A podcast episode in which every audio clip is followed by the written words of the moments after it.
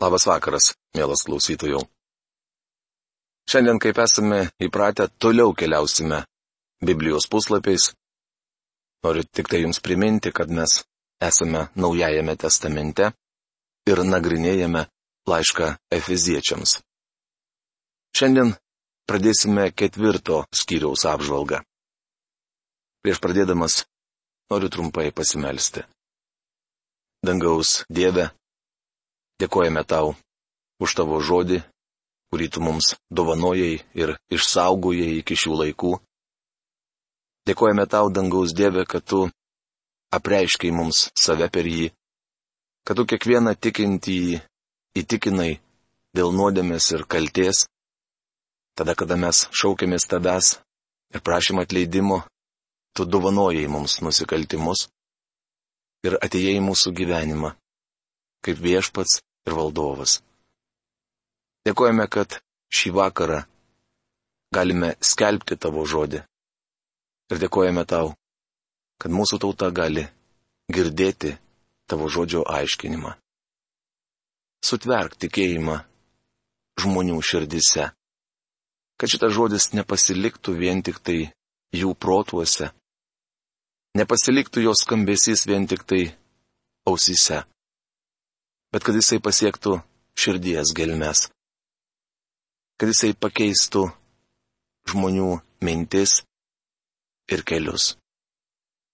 Pagal žodį žinome, kad jie yra priešingi taviesiems. Palaimink dabar tą laiką ir mano lūpas. Jėzaus vardu. Amen. Taigi Efeziečiams laiškas, ketvirtas skyrius. Tema Bažnyčia yra naujas žmogus, naujo žmogaus atskleidimas, naujo žmogaus susilaikimas ir draudimai naujam žmogui. Antrąją laiško Efeziečiams dalį sudaro trys paskutiniai laiško skyriai. Pagrindinė šios dalies tema - bažnyčios elgsena ir tikinčiojo pašaukimas. Mes jau aptarėme dangišką įtikinčiųjų pašaukimą, dabar pakalbėsime apie jų gyvenimo būdą žemėje. Tikrai tikintieji, kurių visumą vadiname bažnyčia, yra danguje Kristuje. Kristus, sėdintis Dievo tėvo dešinėje, yra kūno galva. Tačiau bažnyčia vis dar gyvena šioje žemėje. Pirmuose trijuose skyriuose aptarėme bažnyčiaus pašaukimą, statybą ir įsteigimą. Antroje ir paskutinėje laiško dalyje bus kalbama apie bažnyčios elgseną, išpažinimą ir konfliktą. Bažnyčia - naujas žmogus. Ateityje ji bus nuotaka, bet o bažnyčia - geras Jėzaus Kristaus karys. Studijuodami pirmuosius tris laiško Efeziečiams skyrius, mes buvome pačioje atsimainimo kalno viršūnėje. Tai ko gero aukščiausias dvasinis taškas visame Naujajame testamente. Štai kodėl skiriame tiek daug laiko jų nagrinėjimui.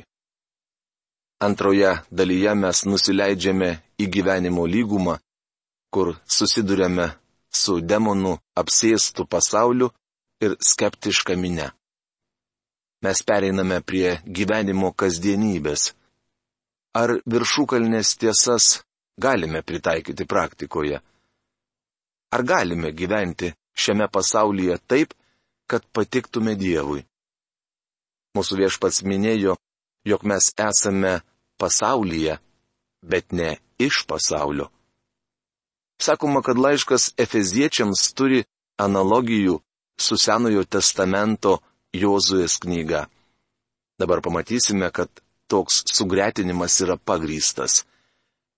Jozuje įžengė į pažadėtąją žemę, remdamasis pažadu, kurį Dievas buvo davęs Abraomui, Izaokui, Jokūbui ir Mozei. Pažado žemė priklausė jam, tad Jozuje su visais Izraelio vaikais kėlėsi per Jordano upę. Jordano upės perėjimas simbolizuoja Kristaus mirtį, palaidojimą ir prisikėlimą. Mes, kaip tikintieji, buvome atvesti į pažadėtą į kraštą. Štai kur mes šiandien gyvename. Na bent jau turėtume gyventi. Jozujai reikėjo užimti žemę, kad Izraelio tauta galėtų džiaugtis to krašto palaiminimais. Užėmimas arba pasisavinimas yra svarbiausias žodis Jozuės knygoje.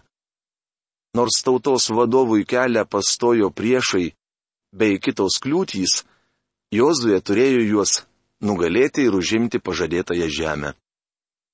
Pirmoje laiško Efeziečiams dalyje svarbiausias žodis buvo padėtis. Dievas palaimino mus visokiojo padvasinę palaimą, rašoma Efeziečiams laiško pirmos kiriaus trečioje eilutėje.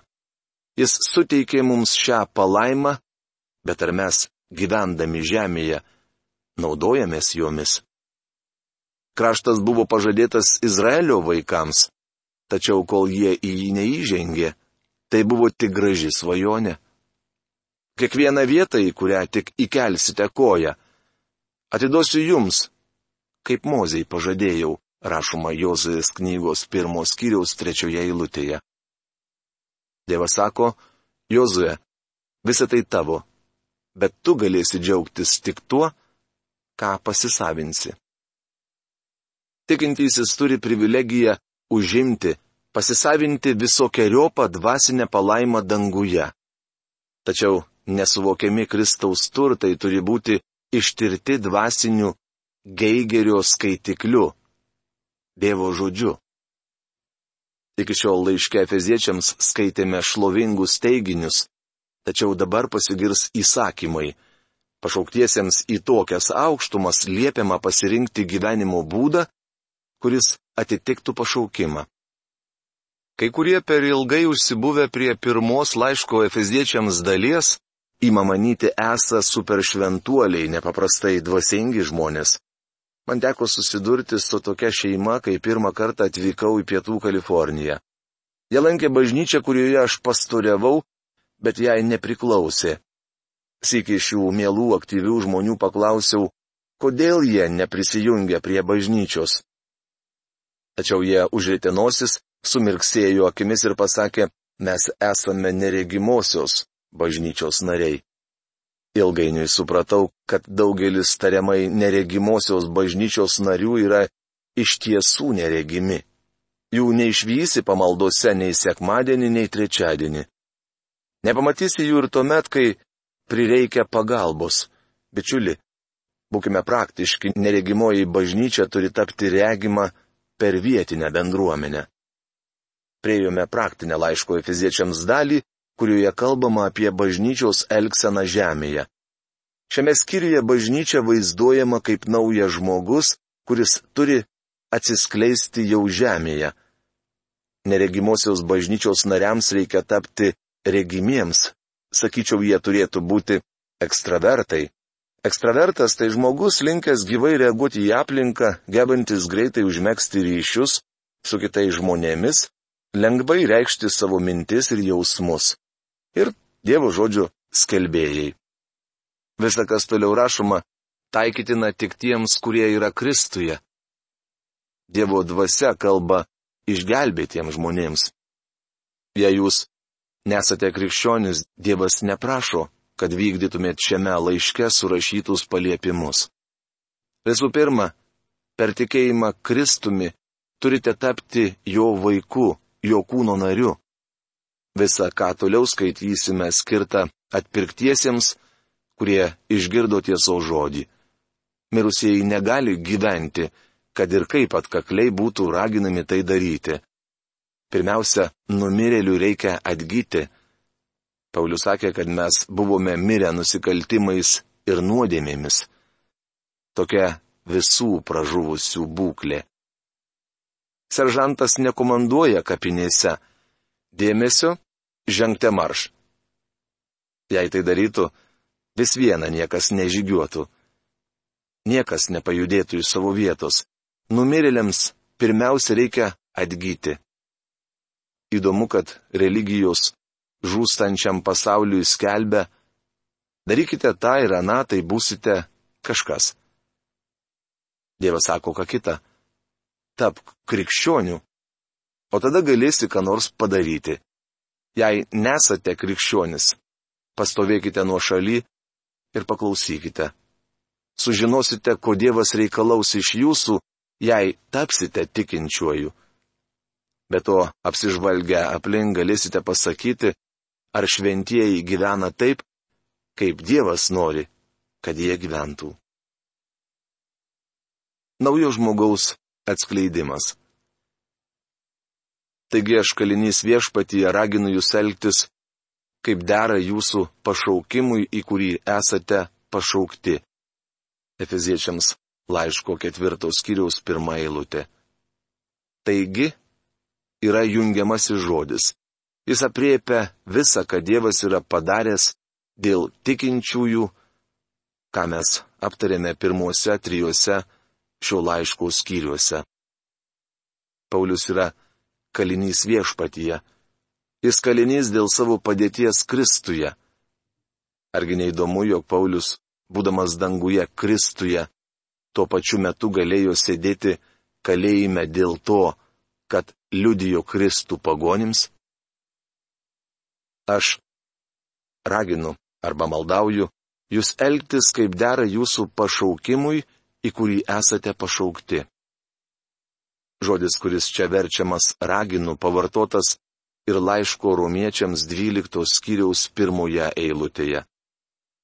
Tai nėra įsakymas su ugnimi ir griausmu pasiekęs Mozę ant Sinajaus kalno, bet švelnus maldavimas, įkalbinėjimas. Dėl Dievo gailestingumo raginu jūs, broliai, kaip rašoma, romiečiams laiško 12 skyriaus pirmoje eilutėje. Mes turime elgtis kaip dera mūsų pašaukimui. Mūsų elgsena turi atitikti mūsų aukštą padėtį Kristuje. Tik tai elkitės kaip dera besilaikantiems Kristaus Evangelijos, kad atvykęs pamatyčiau, o jei netvyksiu, išgirščiau, jo gyvenate vieną dvasę, visi kaip vienas kovojate už Evangelijos tikėjimą, rašo apaštalas Paulius Filipiečiams laiško pirmos skyriaus 27 eilutėje. Laiško kolosiečiams pirmame skyriuje dešimtoje eilutėje Paulius rašo, kad elgtumėtės kaip verta viešpaties ir jam tobulai patiktumėte, neždami visokių gerų darbų vaisių ir augdami Dievo pažinimu. Kaip krikščioniškos elgsenos pavyzdį, Paulius paminė savo gyvenimą. Ir jūs, ir Dievas gali paliudyti, kaip šventai, teisingai ir nepriekaištingai elgiamės su jumis įtikėjusiais. Rašoma pirmame laiške Tesalonikiečiams antrame skyriuje, dešimtoje eilutėje. Paulius ragina mus pasirinkti gyvenimo būdą vertą Evangelijos.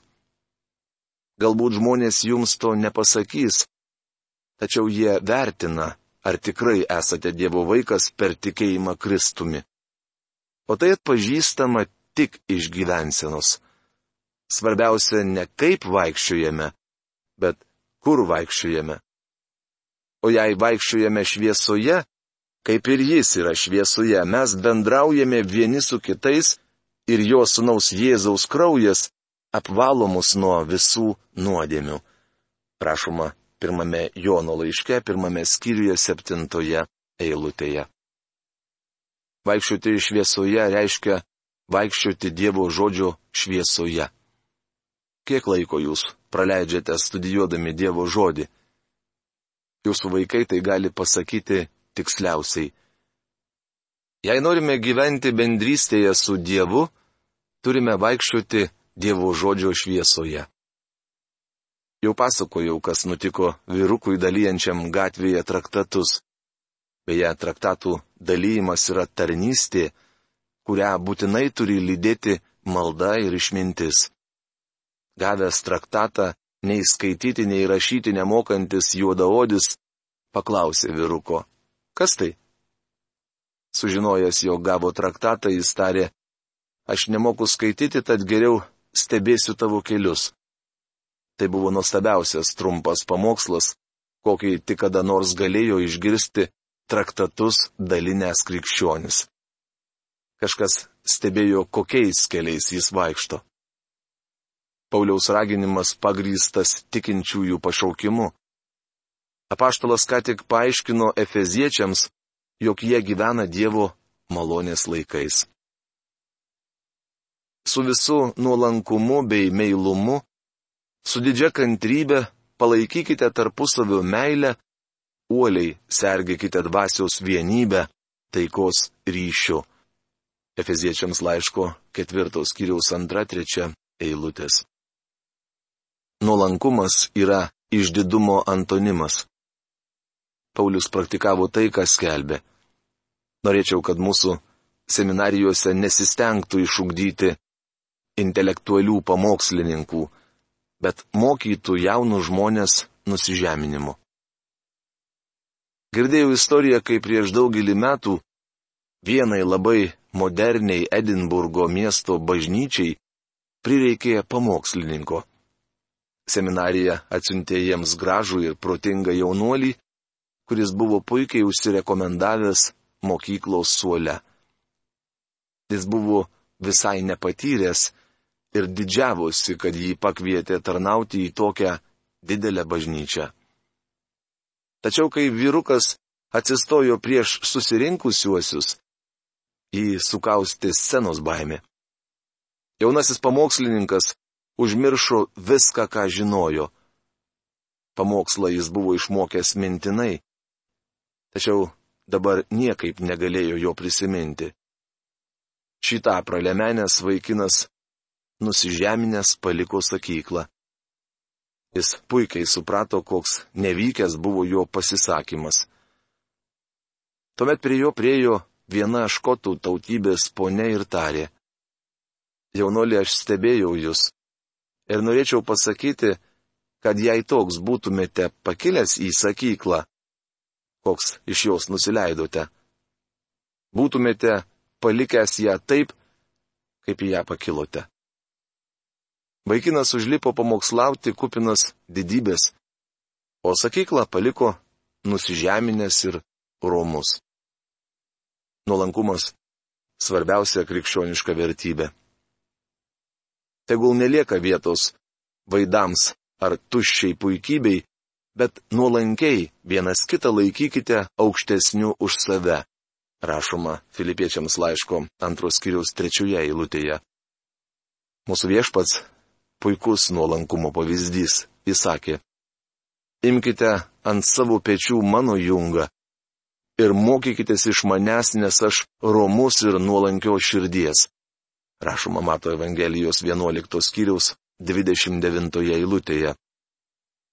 Šiandien daugelis krikščionių didžiuojasi savo odos spalva, padėtimi visuomenėje ar net malonę. Žmonės puikuojasi ne tuo, kad buvo išgelbėti malonę. Akivaizdu, kad nuolankumo mums visiems labai trūksta. Pasakojama, kad siki Vokietijoje grupelė žmonių nuvyko apžiūrėti Bethoveno namų. Ekskursijų vadovas parodė jiems Bethoveno pianiną ir baigęs pasakojimą paklausė, ar kas nenorėtų prisėsti prie garsaus kompozitoriaus instrumento, o gal net paskambinti vieną kitą akordą. Visi tu jau pat puolė prie pianino, išskyrus džentelmeną ilgais žilais plaukais. Galiausiai gidas šio vyro paklausė, O jūs ar nenorėtumėte prisėsti prie pianino ir paskambinti vieną kitą natą? Šis atsiliepė ne. Aš jaučiuosi nevertas. To žilaplaukio vyro pavardė buvo Paderevskis. Tai vienintelis žmogus, kuris iš tikrųjų buvo vertas skambinti Bethoveno pianinu. Šventieji dažnai skuba daryti tai, kam neturi dovanos. Mes kalbame, kad sunku rasti žmonių, kurie darbuotųsi bažnyčioje, tačiau kartais nepastebime kito kraštutinumo, kai kurie bando daryti tai, kam neturi dovanos. Mums reikia būti nuolankiems. Su visų nuolankumu bei meilumu. Meilumas arba, kaip rašoma kituose Biblijos vertimuose, romumas, anaip tol nėra silpnumas. Romų žmogus nėra mėmė. Šventajame rašte romiais vadinami du žmonės. Senajame testamente šiuo žodžiu apibūdinamas Mozė, o Naujajame testamente viešpats Jėzus.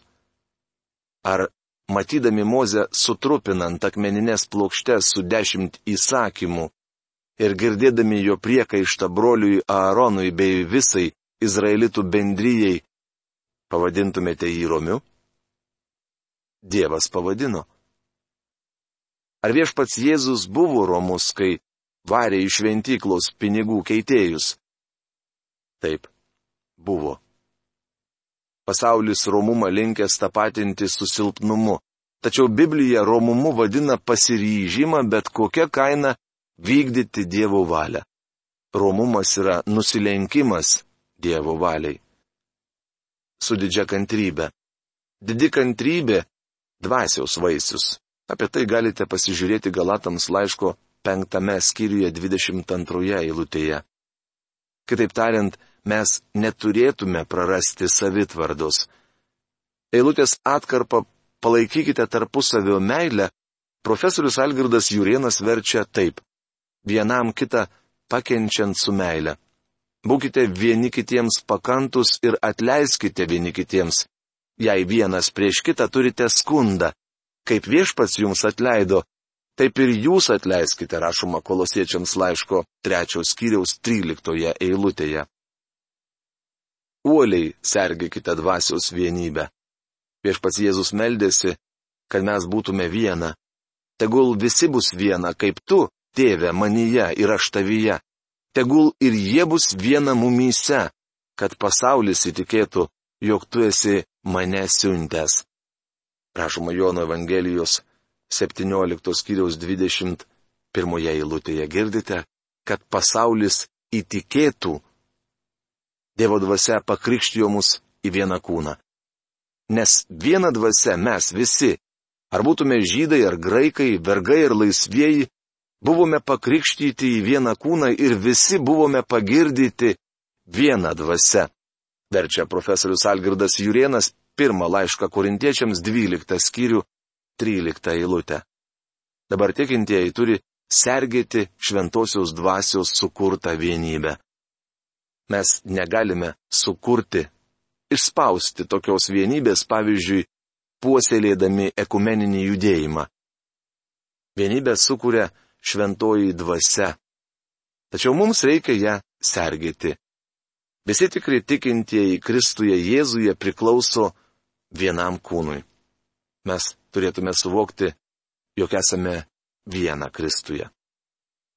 Toliau Paulius išvardyja keletą vienybės pavyzdžių. Bet apie juos mes su jumis kalbėsime jau kitoje mūsų laidoje. Iki malonaus susitikimo. Sudė.